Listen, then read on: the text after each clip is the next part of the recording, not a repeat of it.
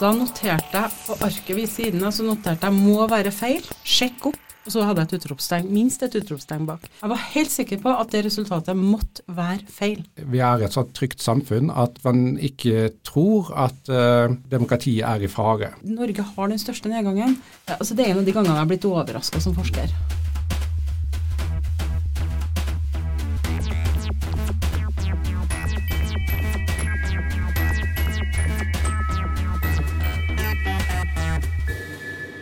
Etter tre års arbeid er den store rapporten om norske 14-åringers kunnskaper om og forståelse for demokrati og medborgerskap ut i dag, 28.11.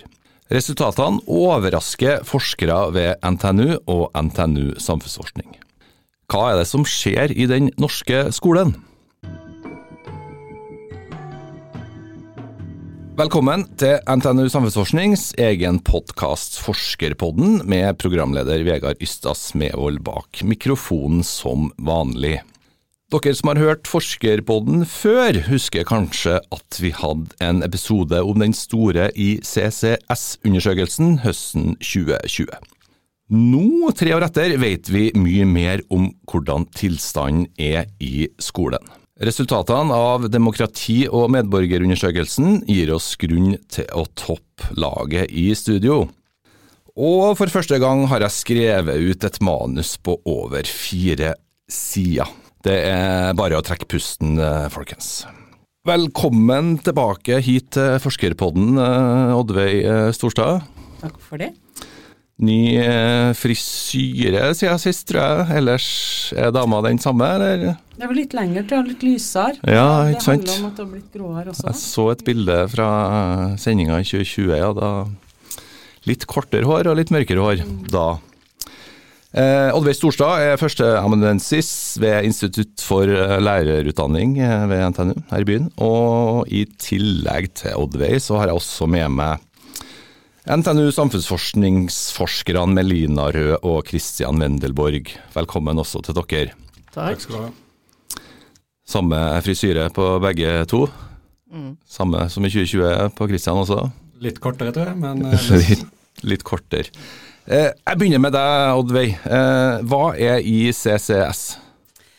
Ja, det er en internasjonal studie som måler, som du sa, eh, elever sin kompetanse på demokrati- og medborgerskapsspørsmål.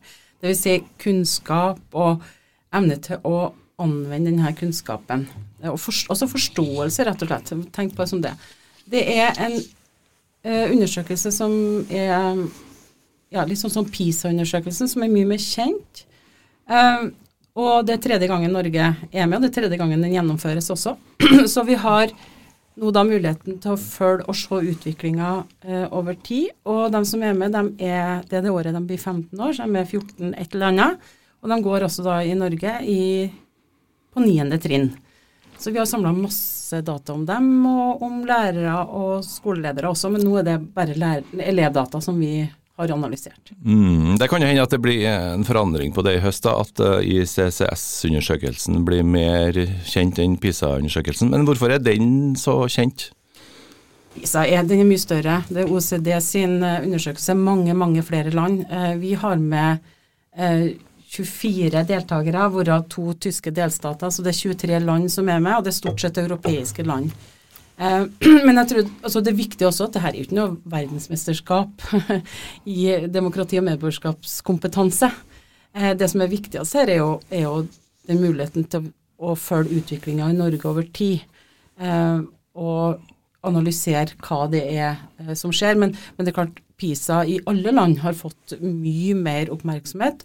Også fordi at den har direkte påvirka skolepolitikken i mange land. Hvorfor eh, samarbeider dere i NTNU med oss i NTNU samfunnsforskning om eh, det her? Det var jo for å få til et knallag, og det syns jeg vi har fått til. Um, vi, har jo, vi er jo lærerutdanninga, uh, mens NTNU samfunnsforskning har jo drevet mye med forskning på skole og utdanning.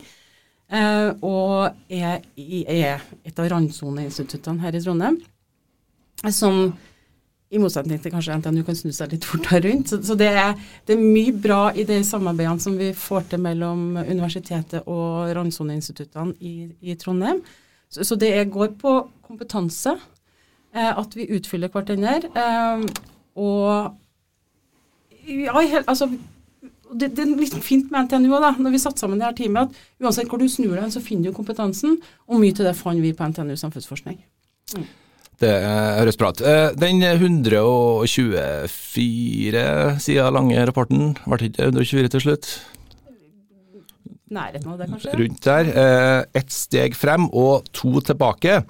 Demokratiforståelse, holdninger og deltakelse blant norske ungdomsskoleelever er ute i dag, 28.11, og kan leses på våre nettsider nå. Vi skal selvsagt dykke ned i hva dere har funnet ut i dagens Forskerpodden-episode, men jeg vil gjerne at dere prøver å hjelpe meg litt mer om hvordan uh, dere har jobba for å hente inn resultatene her. Det hjelper jo oss også med å forstå hva slags undersøkelse det her faktisk er.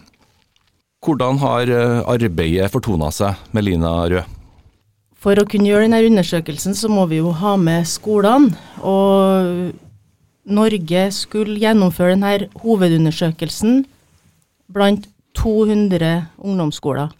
Eh, og, men før det så måtte alle landene gjennomføre noen piloter. Så vi har, vi har brukt tre år for å greie å gjennomføre hovedundersøkelsen på en best mulig måte. Da. Så jeg starta med å bli det som vi kalte for skolekontakten der jeg skulle ta uh, all kontakten med alle skolene. Så vi starta jo med en minipilot, som jeg kaller det, på tre skoler først, mm. rett før pandemien. Hvordan velges sånne skoler ut? De tre først og 200 etterpå. Uh, hvordan gjøres det utvalget? De tre første var jo litt sånn vi valgte ut for å ha i nærområdet i Trondheim. Ja, ja. ja. Og så, mer, altså, så, er det tilfeldig trukket, sånn at vi har et okay. representativt utvalg det er videre. Mm. Ja, riktig. Mm. Med Linda. Så det her er en liste som vi får som vi må forholde oss til. Så etter denne miniundersøkelsen så var det 50 skoler som ble trukket ut for å gjennomføre en pilot. Og den piloten den skulle være identisk med hovedundersøkelsen. Så vi fikk på en måte en veldig god utprøving av alle stadiene i arbeidet opp mot skolene eh, året før vi skulle gjennomføre hovedundersøkelsen. Og på den måten så får vi muligheten til å se hva som fungerer, hva som fungerer mindre bra, eh, hva er det som kan skjære seg, eh, hvordan bør vi kommunisere med skolene for at de skal eh, være med på det her. For det er en ganske omfattende jobb for skolene, da. Um, så den uh, piloten gikk jo veldig bra, men det, var, det, er jo veldig, veldig mye arbeid. Det er mye materiale som skal oversettes til norsk. Du skal uh, Skolene som er med, får ganske mye arbeid å gjøre. De må fylle ut lister over elever som skal sendes til oss anonymt, som for at det skal kunne genereres ID-er osv., så videre, sånn at alt det her skal klaffe på, på undersøkelsesdagen. Mm. Hvordan mottar skolen og lærere et sånt ekstraarbeid, hvis vi kan kalle det i en Det jeg skjønner allerede en eh, travel eh, hverdag for norske lærere? Ja, det, det er et godt spørsmål. Det her, det her klaffa jo veldig bra med, med pandemien, da. Det vil da si at vi skulle jo sette i gang med piloten eh, på den tida, da, i 2020. Eh, men det som skal sies, da, er jo at skolene skal jo eh, må delta på en del forskning. De er pålagt til å være med? De er pålagt til å være med. Eh, men samtidig eh, så er det veldig mye goodwill i skolene, opplever jeg, da. Det er veldig mange som på en måte bretter opp ermene og, og, tar i et tak. Det som var med denne eh, undersøkelsen var jo at den kanskje ble opplevd ganske sånn byråkratisk, eller ganske, det var ganske mye skolene måtte gjøre eh, for å kunne gjennomføre undersøkelsen. da. Men det vi hadde, var at vi hadde en skolekoordinator på alle skolene, som var som rektor Først kontakta vi skolene, Og rektor fant i sitt kollegium noen som kunne være min kontaktperson på den skolen. Og det var, det var da den som gjorde all jobben eh, fra skolen og sendt inn alt til, til oss, da. Mm. Eh, kan du si noe om motstand dere har møtt på underveis her i arbeidet? da? Du, du Eh. sa det falt bra sammen med pandemien, men eh, var ikke det på en måte travelt fra før, da, når det ble nedstenging? Og, eller kom Jo. det kanskje litt etter selve den store nedstenginga? Ja, eh, jeg kan jo si litt om at uh, det at uh, jeg ble putta på den jobben her i utgangspunktet, er kanskje at jeg har jobba veldig mye opp mot skoler i mange år. Bl.a. gjennom Elevundersøkelsen og andre uh, store undersøkelser. Mm, som Og- NTNU Samfunnsforskning har hatt ansvaret for Ja, i siden flere år. 2011, Ja. Elevundersøkelsen. Så mm, vi mm, Jeg har kjent veldig mye på skolene sin arbeidsbelastning, og hva er det på en måte jeg må bruke av argumenter for å få dem med, da. Så vi, vi møter skolene med en ydmykhet, da, at vi skjønner at de har mye å gjøre. Og det tror jeg gjør at de også har en eh, og det, og det, Pluss at temaet her kjenner skolene uh, veldig igjen. Uh, eller ønsker å jobbe med på skolen. Det er et veldig viktig tema. Den opplevelsen av at det er ikke bortkasta. At de faktisk jobber med tema som er kjempeviktig for skolen i dag, om demokrati og Ja, for, for det har blitt en del av den såkalte fagfornyelsen som kom eh, for noen år siden. Ja, det skal være en Ja, det er et, tema eh, som mm. Ett av tre tverrfaglige tema som kom med LK20 fra ja, høsten 2020. Mm, så det, Mm. det var også noe som var mer nytt, da. Som løfta det. Så, så skal du være lærer i den norske skolen i dag, så er det på en måte ikke noe bønn. da. Du må forholde deg til det her. Både det tverrfaglige, tverrfaglige faget og at du også må bidra til forskning innimellom. Ja. Det må, må du jo. Altså, det har alltid vært viktig i norsk skole, men det har blitt kanskje enda viktigere. Og viktig for ikke bare samfunnsfaglærere og norsklærere, men, men alle lærere. Mm. Skolene har jo veldig mye pågang eh, fra forskning, fra studenter. Så de må jo ofte sile ut. Men det her med denne studien var jo litt sånn også at det hjalp oss at det på en måte var, var pålagt å gjennomføre. Eh, men vi, vi har jo fått mye positivt selvfølgelig fra skolene om at dette er veldig interessant, og så har vi også fått litt eh, tilbakemelding om at de syns det er veldig mye å sette seg inn, og litt vel sånn byråkratisk, kanskje litt unorsk i måten den er, gjennomføres på. Men det handler om at vi er nødt til å, å forholde oss til et internasjonalt system. Der skal gjennomføres helt likt på alle skolene i alle de landene som er med. Men Mm. likevel så har vi, det, vi har prøvd å forenkle så mye som vi har faktisk kunnet eh, innen de rammene her, da. Mm. Eh, Hvordan eh, høres et spørsmål ut? Har du noe eksempel på hvordan et spørsmål i denne undersøkelsen kan høres ut? Holdvei, eller? eh? Det er jo litt sånn eh, eh, tricky. Altså, vi kan jo ikke offentliggjøre spørsmålene. Nei, nettopp. fordi at de skal brukes senere. Men det offentliggjøres eh, denne gangen 15 spørsmål, og de eh, gir vi en liten smakebit av i, i rapporten. Men tror, sånn generelt så tror jeg at det er mindre sånn faktaspørsmål enn folk kanskje tenker at det er sånne undersøkelser. Det er mer anvendelse der elevene skal anvende den kunnskapen de har, og resonnere rundt de oppgavene de får, og så svar. Og det er både åpne spørsmål, det er bare 10% av det de skriver i svar, og vi koder og scorer etterpå.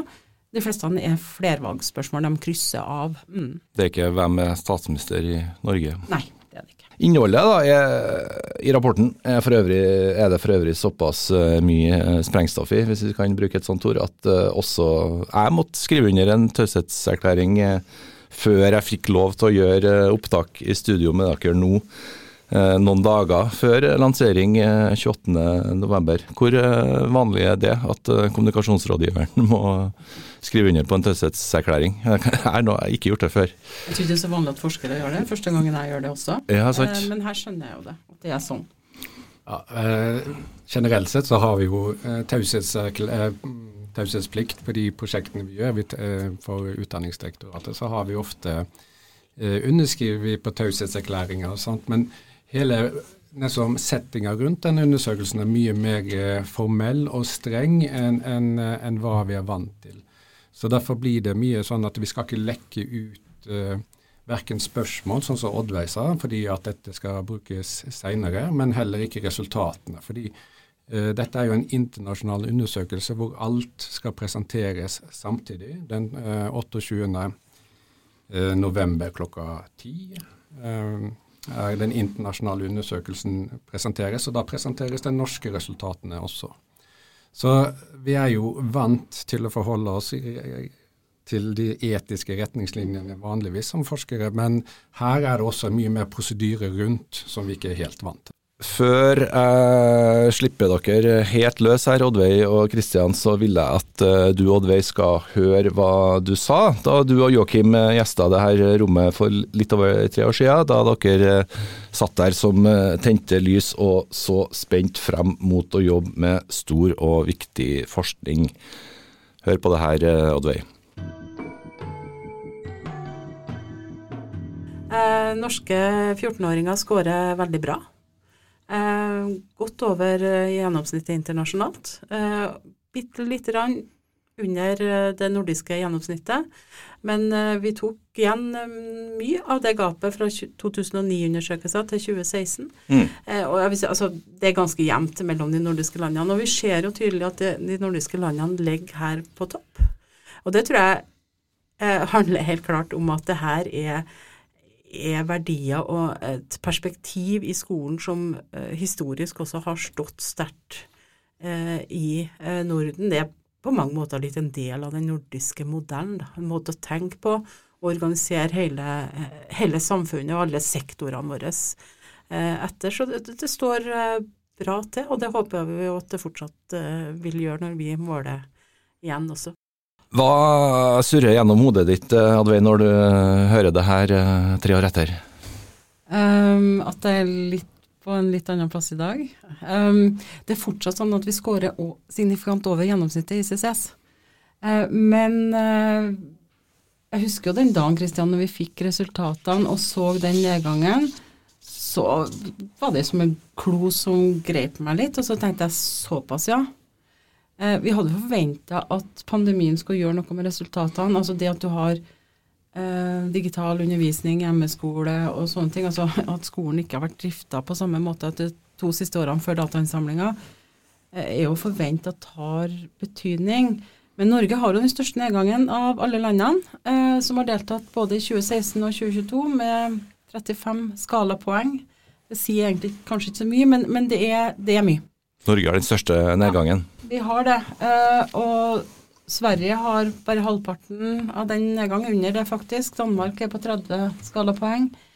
Um, sånn at um, Og en del andre land har mer stabilitet, litt som nedgang, men mer preg av litt Ja, altså Norge har den største nedgangen.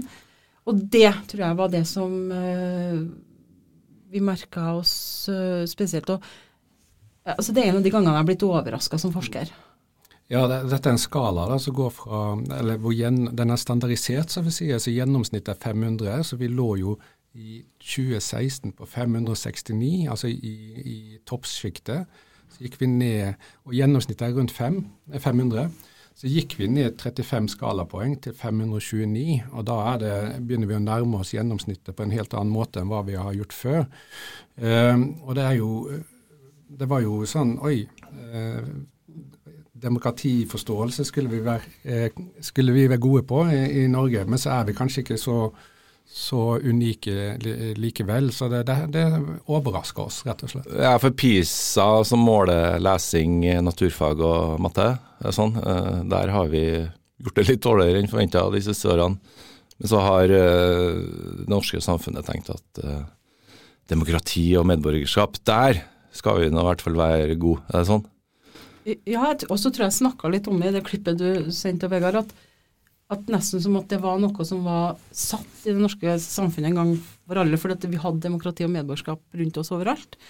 Uh, så, så, ja, nei, det er noe med, med, resultatene her som har gjort at vi har brukt litt tid da, på å bore og analysert og prøve å se litt på hva som ligger bak her. Mm. Ja. Eh, dere har sagt til meg at eh, jeg må ikke tenke på poengsummen her noen, som noen eh, av en makssum. Det er ikke 500 og hva var det, 65 av 1000 f.eks. Nei. Men at vi likevel er fortsatt litt over snittet, da. Er ikke det bra nok? Jo, altså det er jo bra, altså, og det må ikke forstås som at det er elendig i Norge, og at norske elever er helt bakpå og ikke har kompetanse på det her. Det er ikke det, men det er en, det er en nedgang som er såpass stor eh, at den gjør at vi må se litt på hva det er som har skjedd. Og det er jo og en del andre undersøkelser Kristian, som viser at det har gått ned når det gjelder prestasjoner fra ja, sånn rundt 2016, så en del andre ting også som dere finner i elevundersøkelsen, og sånn som, vi, som gjør at det her blir noe vi har forfulgt litt, da. Mm, ja, for Kristian Wendelborg, eh, forsker og min kollega da, i NTNU samfunnsforskning. Du er kanskje ikke så overraska som eh, Oddveig?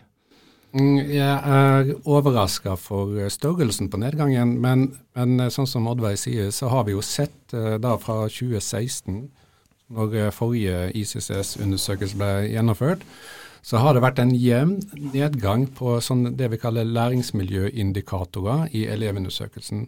Og særlig gjelder det i, for motivasjon.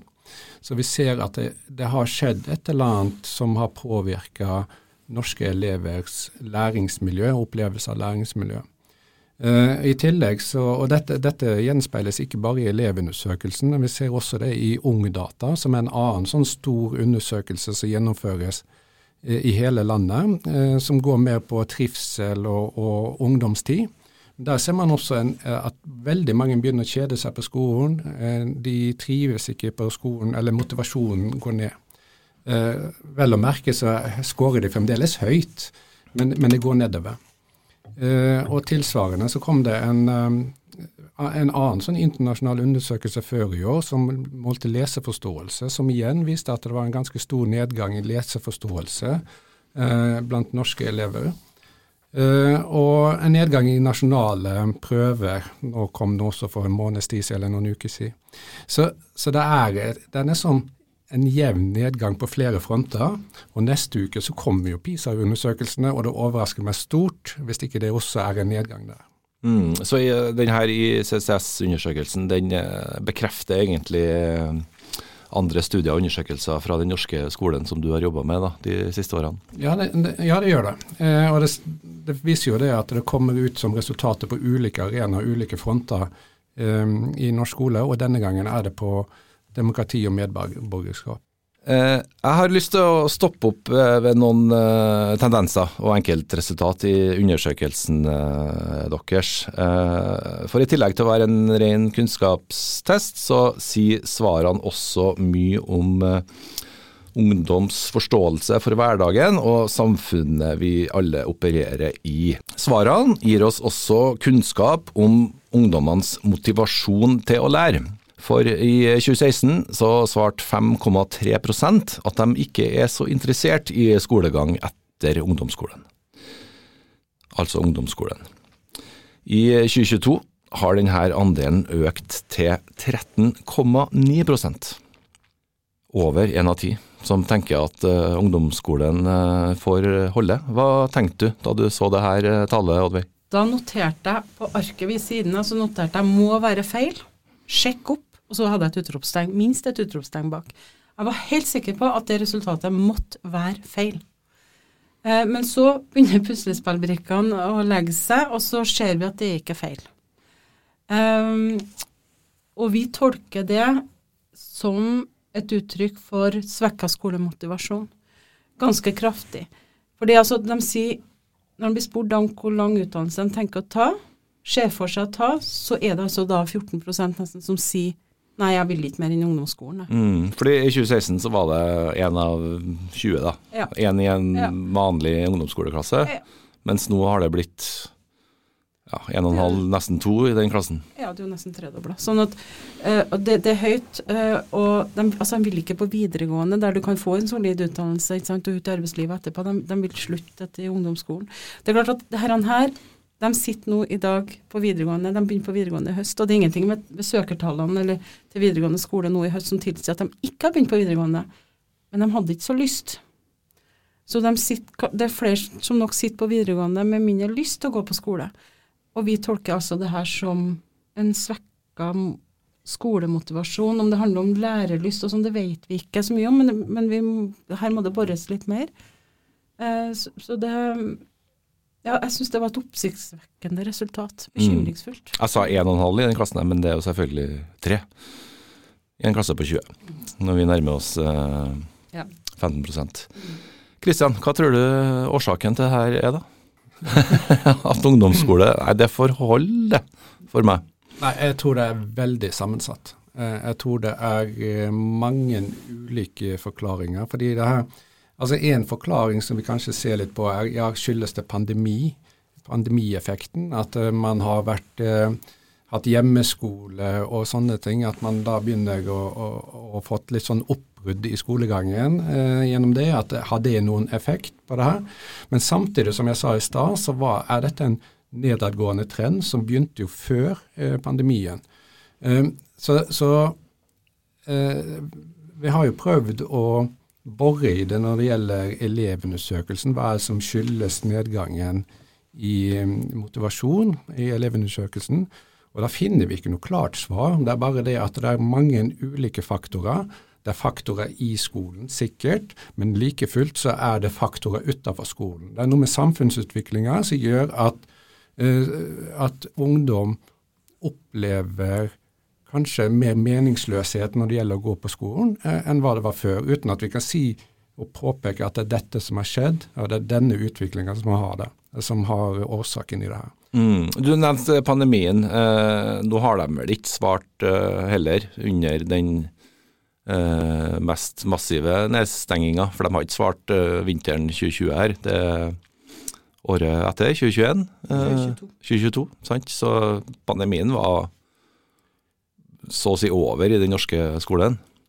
Det var men det er klart at pandemien, uten at vi får til å måle, og det er andre undersøkelser som har prøvd å måle eh, hva det har gjort på læringsutbyttet. Eh, og man må anta at det ikke er positivt, iallfall, at man ikke har hatt normal skoledrift og ikke vært på skolen, men, men sitter mer hjemme og man har hatt halve dager og, og sånne ting. Og, og, det som også skjer da, er at hjemmemiljøet til elevene blir viktigere. Sånn at elever som kanskje ikke har like stor støtte fra foreldrene og kan få hjelp og ja, bli passa på med skolearbeidet, eh, vet vi jo fra mange undersøkelser at da risikerer å tape mer i en sånn situasjon. Og vi finner jo også, vi òg, i våre analyser, at det har blitt et, større, et større gap da, mellom elever med og uten foreldre med høyere utdanning. Det, det er òg en av de endringene vi, vi ser som kanskje kan være en pandemieffekt. Mm, for det Svarene her er jo selvfølgelig anonyme, eh, men hva er det dere kan skille på? Kan dere skille på by og land og eh, foreldres utdanningsnivå og eh, andre ting? Ja, vi, Det vi skiller på i, i analysene her, er jo eh, kjønn, eh, selvsagt. Eh, og så ser vi på eh, foreldrenes høyeste utdanningsnivå, om det har innvirkning på både kunnskap og andre spørsmål eh, vi har her. og så er det også og innvandringsstatus, som vi kaller det. Om de er om de har to norskfødte, eller om de er født i Norge eller innvandret til Norge. Da, om det har innvirkning på hvordan de, de svarer. Så det kontrollerer vi for på, i alle de analysene vi gjør. Uh, men når det gjelder pandemieffekten uh, på kunnskapen, uh, så ser vi også at hvis det hadde vært en pandemieffekt, så hadde vi vel sett en jevnere og større nedgang i alle land, for det her var ikke noe særegent for Norge. så det bare kompliserer litt bildet også her. Det er, det er sammensatt, og det, og det er vanskelige problemstillinger. Mm. Og, og, det er iallfall ikke sånn at nedgangen i Norge i sin helhet skyldes pandemien. Det vet vi. Eh, det gjør, gjør, det ikke.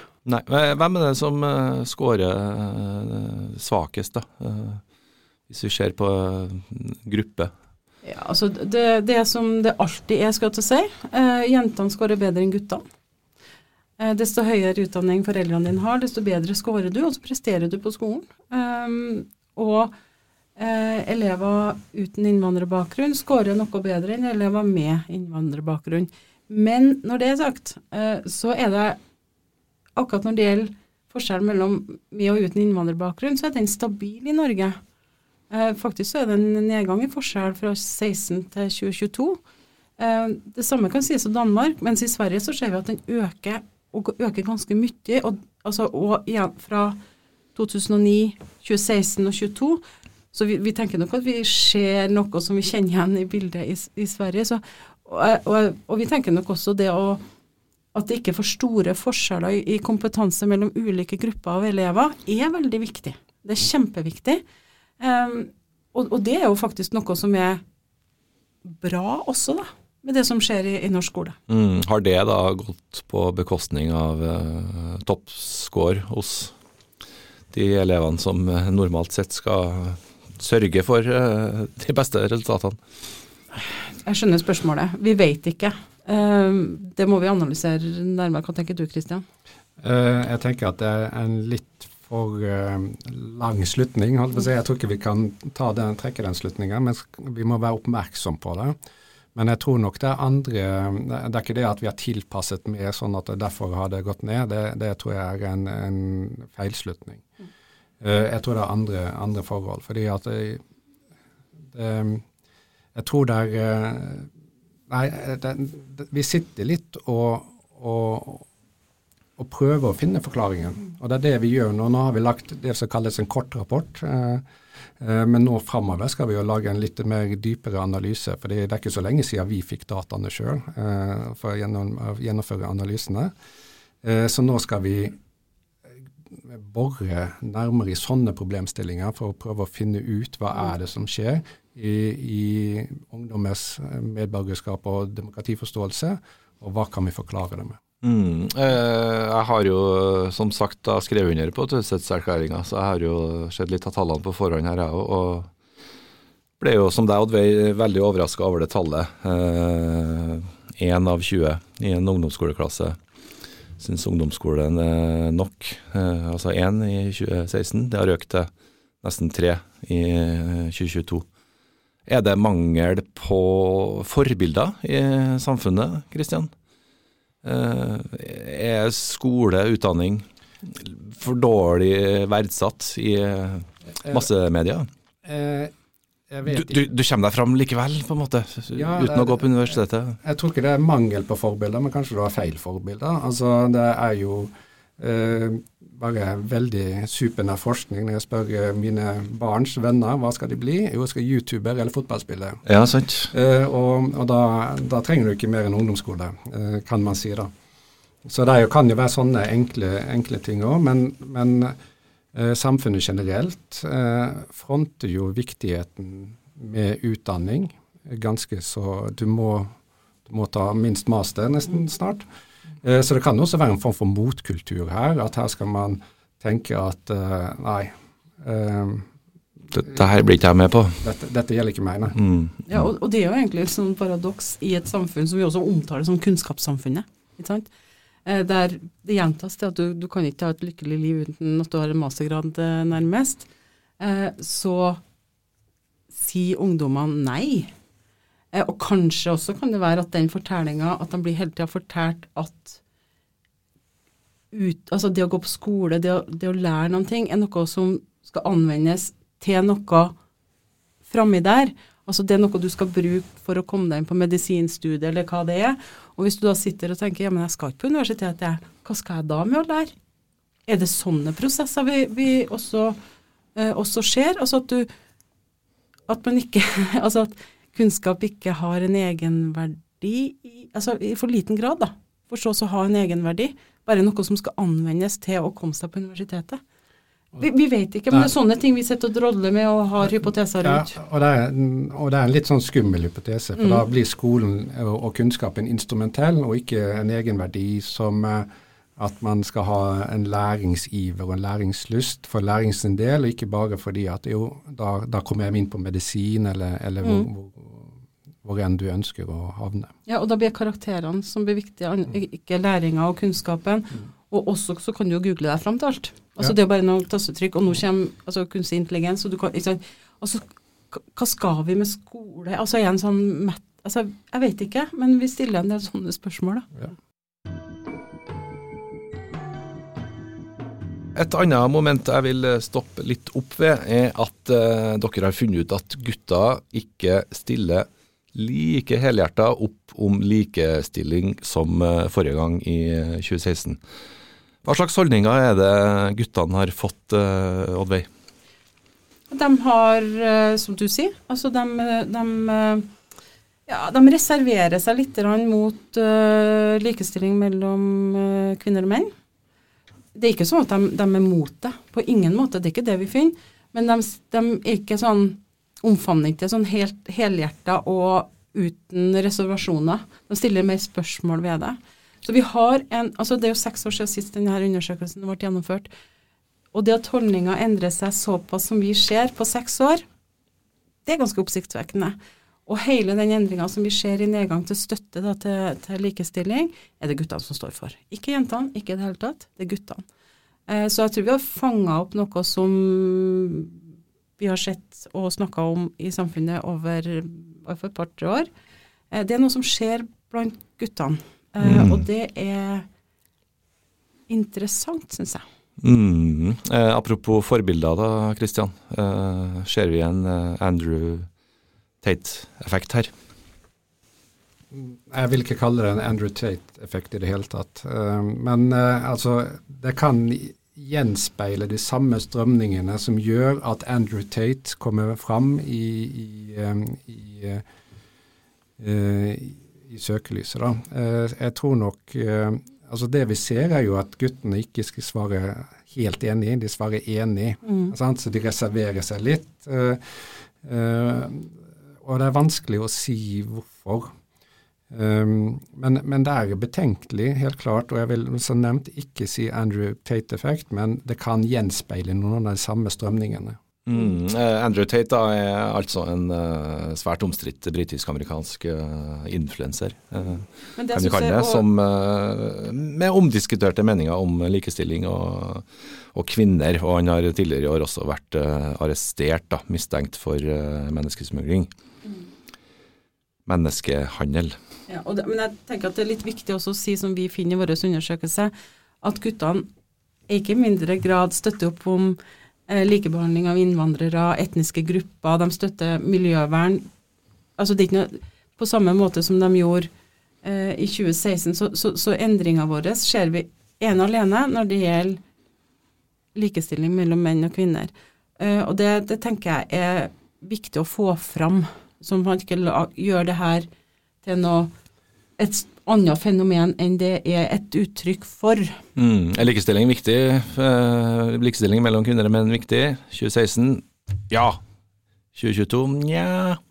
Er det sånn? Ja, men jeg tenker at de fortsatt mener at det er viktig, men det er et eller annet med at har det gått for langt? Og så kan vi å gå lenger inn til NTNU her, og diskusjonen rundt eh, kjønnspoeng på noen av studiene på Induc f.eks., som var mye, disk mye diskutert, fortsatt diskuteres, der, der flere unge gutter deltok i debatten, skrev kronikker og sa at vet du, dette her er urettferdig.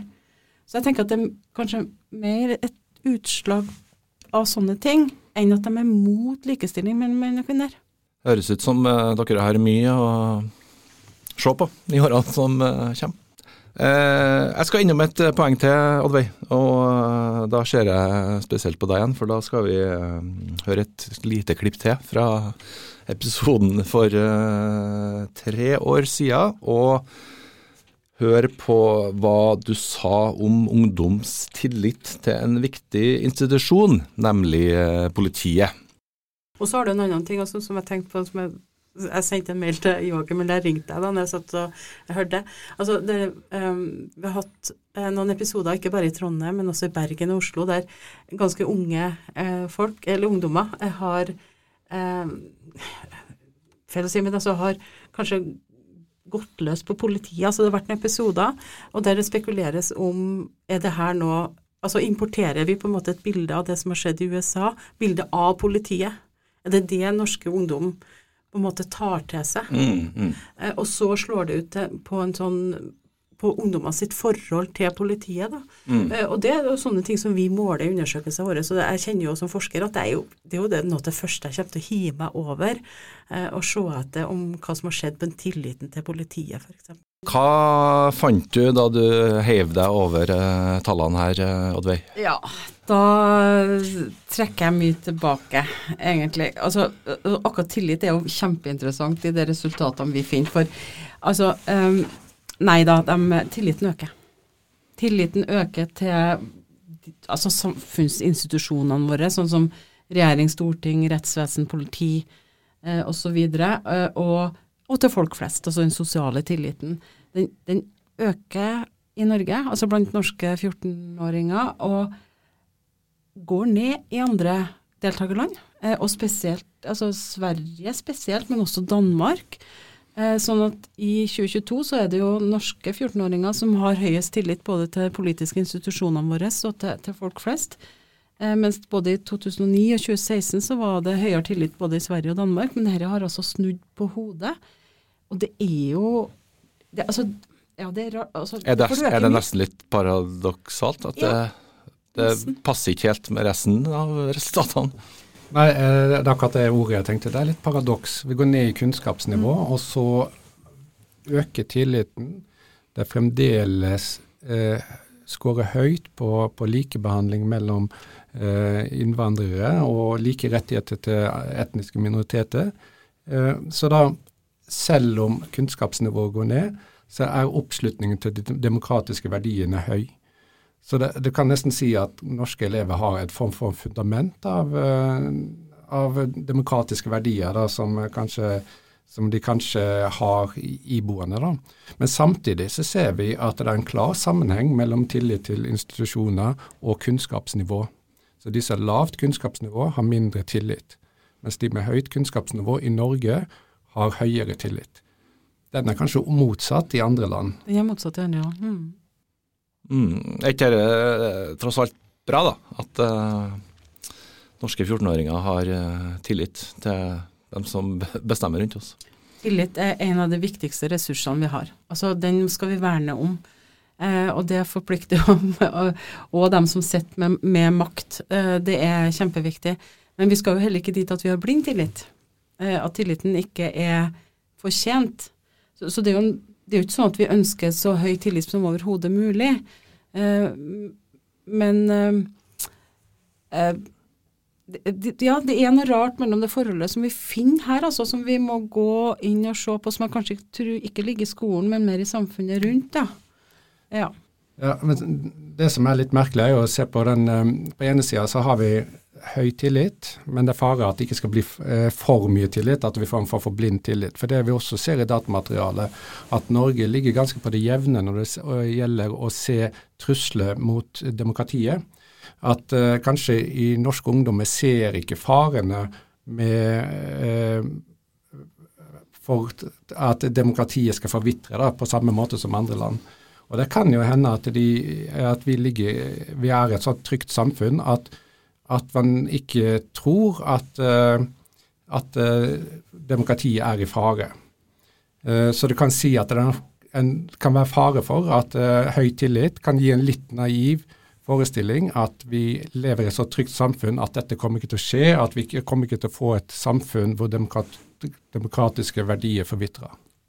Mm, da er det et relevant spørsmål fra meg da, om uh, de her 14-åringene har svart før eller etter uh, Ukraina?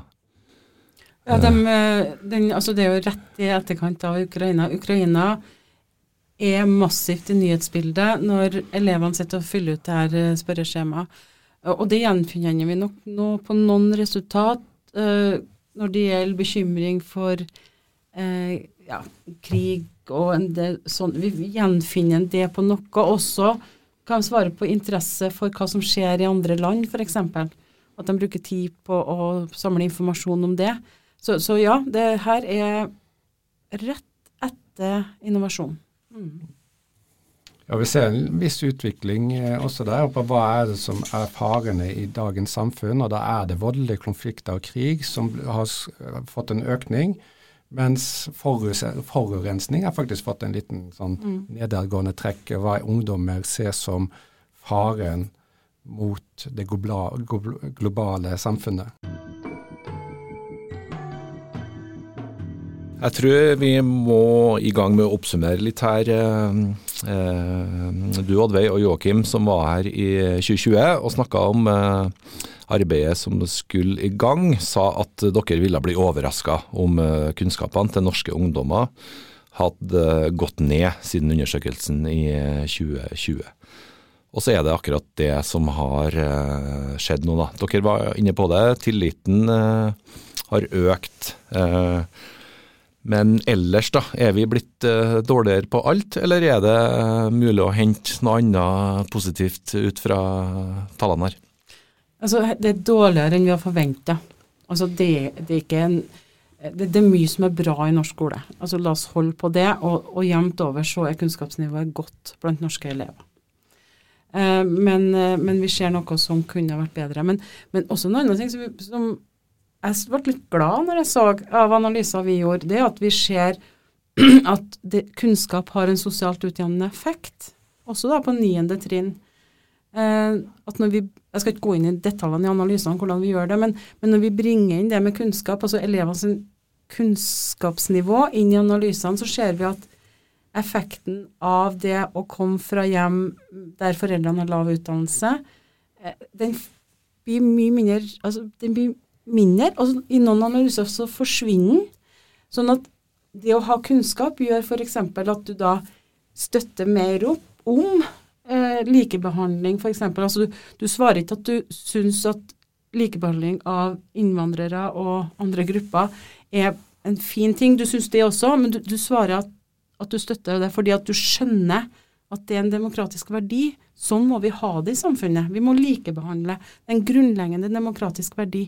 Og, og, vi finner flere sånne resultat som viser at kunnskap altså har en sosial utjevnende effekt. Og, og, det er jo en viktig målsetting med skolen som jeg, jeg tenker at vi skal løfte litt fram. da. Eh, og det vil jo si at vi kanskje skal satse enda mer på kunnskap. da. Høres ut som en uh, bra konklusjon det da, Kristian? ja, jeg er helt enig. Uh, og så er det litt spennende om vi skal gjennomføre den fjerde runden, fordi at denne rapporten heter jo Eh, ett steg fram og to tilbake. For 2000, fra 2009 til 2016 så ble det en ganske stor oppgang. Og nå har vi en betraktelig tilbakegang i kunnskapsnivå. Eh, så da gjenstår det å se, da, hvis vi gjennomfører ICCS 2028 eller 2020, eh, om nedadgående trenden videreføres.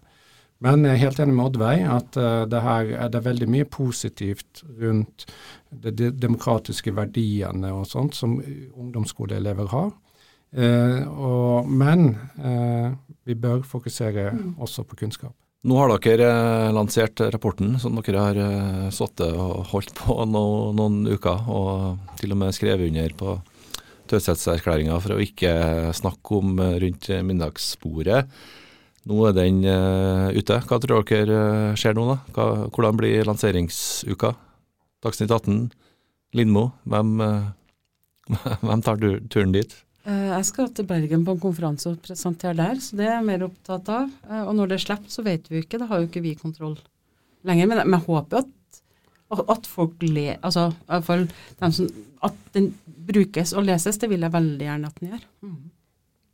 Ja, jeg er helt enig. Jeg håper at at uh, man tar uh, og er oppmerksom på hva disse resultatene egentlig kan si. At man ikke da bare uh, trekker på skuldrene og sier OK, men hva, men, hva, gjør vi nå, Nesom? Det er det som er poenget, ikke, ikke om vi kommer på Dagsnytt 18 eller Lindmo.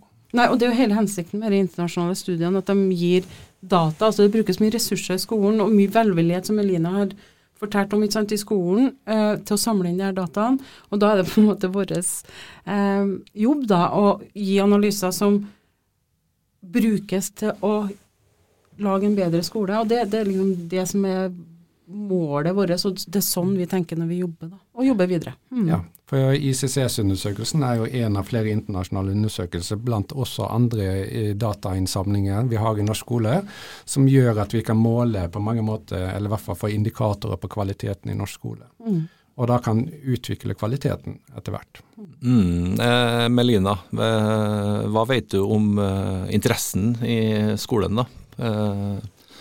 Hvor opptatt er de av eh, resultatene her og rapporten vår? Hva vet du om det? Jeg tror at uh, skolene er kjempeinteressert i det her. Uh, og jeg syns det er veldig godt å tenke på at uh, skolene som har lagt inn så, så, mye arbeid i det her, og elevene som har sittet i tre timer og fylt ut ganske omfattende skjema, at de vet at det er faktisk er veldig viktig at de har vært med, og at det blir brukt, eh, og også kan bidra til å, til å gjøre skolen mer relevant og, og, bedre også. Sånn at det kan være noe skolene kan eh, At det også kan bidra til at vi får eh, fortsatt goodwill i skolene til å kunne forske på dem. og med dem, ikke minst. Nye undersøkelser. Mm. Det høres ut som at jeg skal slippe dere ut uh, døra her nå, men uh, beklager. Jeg har et uh, viktig spørsmål til slutt også. Hva, hva, mener skoleforskerne må skje med den norske skole for at vi skal komme oss på et høyere nivå igjen neste gang? Altså, det, det er ikke et, et enkelt svar på det. jeg tenker at være åpen overfor hva som er svarene i flertall. Ikke lukke seg, ikke uh, ha bestemt seg på forhånd, men ha nysgjerrighet nå på hva er det for noe har skjedd. Og det må tas på alvor. Og da tenker jeg at alle vi som sitter på data, uh, som er samla inn, som, som, gir et bilde av hva som skjer i norsk skole, her har et ansvar for å gjøre gode analyser, så fall vi kan legge fram. Og så får det nå bli politikerne, da. Det er jo sånn fristende å bare skyve det videre, og det, det er jo det på en måte en privilegium en forsker har. De har eh, enda større ansvar ja, enn dere. Til, å finne, til å finne svar, men ta det på alvor. Eh, vær nysgjerrig og gå inn i det, og se hva er det vi hva, hva er det her for noen ting, tenker jeg. Jeg er helt enig. Eh, vi har sett, som vi har nevnt tidligere, at det er, en, det, et, det er et eller annet som har skjedd. Det er et eller annet som gir utslag i denne, denne gangen på ICCS. Ehm, og hva ligger bak det her, og hvordan kan vi da uh, forebygge negative utviklinger uh, i uh, både skolemiljø, men også da kunnskapsnivå. Mm. Få mm. tilbake gleden over å gå på skolen og lære. Mm. NTNU og NTNU samfunnsforskning er enige her, høres det ut som. Eh, hva med mm, samarbeidet deres, da? Eh, du var så vidt inne på det, Kristian. Eh, får vi en ny runde om blir det fem-seks år? Det er planlagt i 2027. 27, vidt ryktene når meg. Mm. Har vi fått det oppdraget? Nei, vi har ikke det. Det må vi jo søke om. Mm. Det er ikke lyst til, det er ikke bestemt om Norge skal være med engang. Eh, men, men det her har jo vært en veldig bratt læringskurve, og som Melina har snakka om. Altså, altså, altså, vi har, altså, det er så mye prosedyrer, det er, så, det er et veldig spesielt prosjekt, og vi har lært så mye. Vi har gjort så mye, tatt så mye erfaringer. Så de transaksjonskostnadene med å ha det den første gangen, har vi veldig lyst til å omsette i en ny runde. Og det gjelder også faglig å utvikle spørsmålene i spørreskjemaene og sånn. Uh, jeg vet ikke, Kristian, har du lyst til å søke en gang til? Um, Vanligvis så sier Der dro du litt for lenge på det. ikke sant? Det, det, morsomste med sånne prosjekter er når du får de, og når du er ferdig med de. Det er, alltid, det, er det i midten som er slitsomt. Arbeidet imellom der, ja. ja.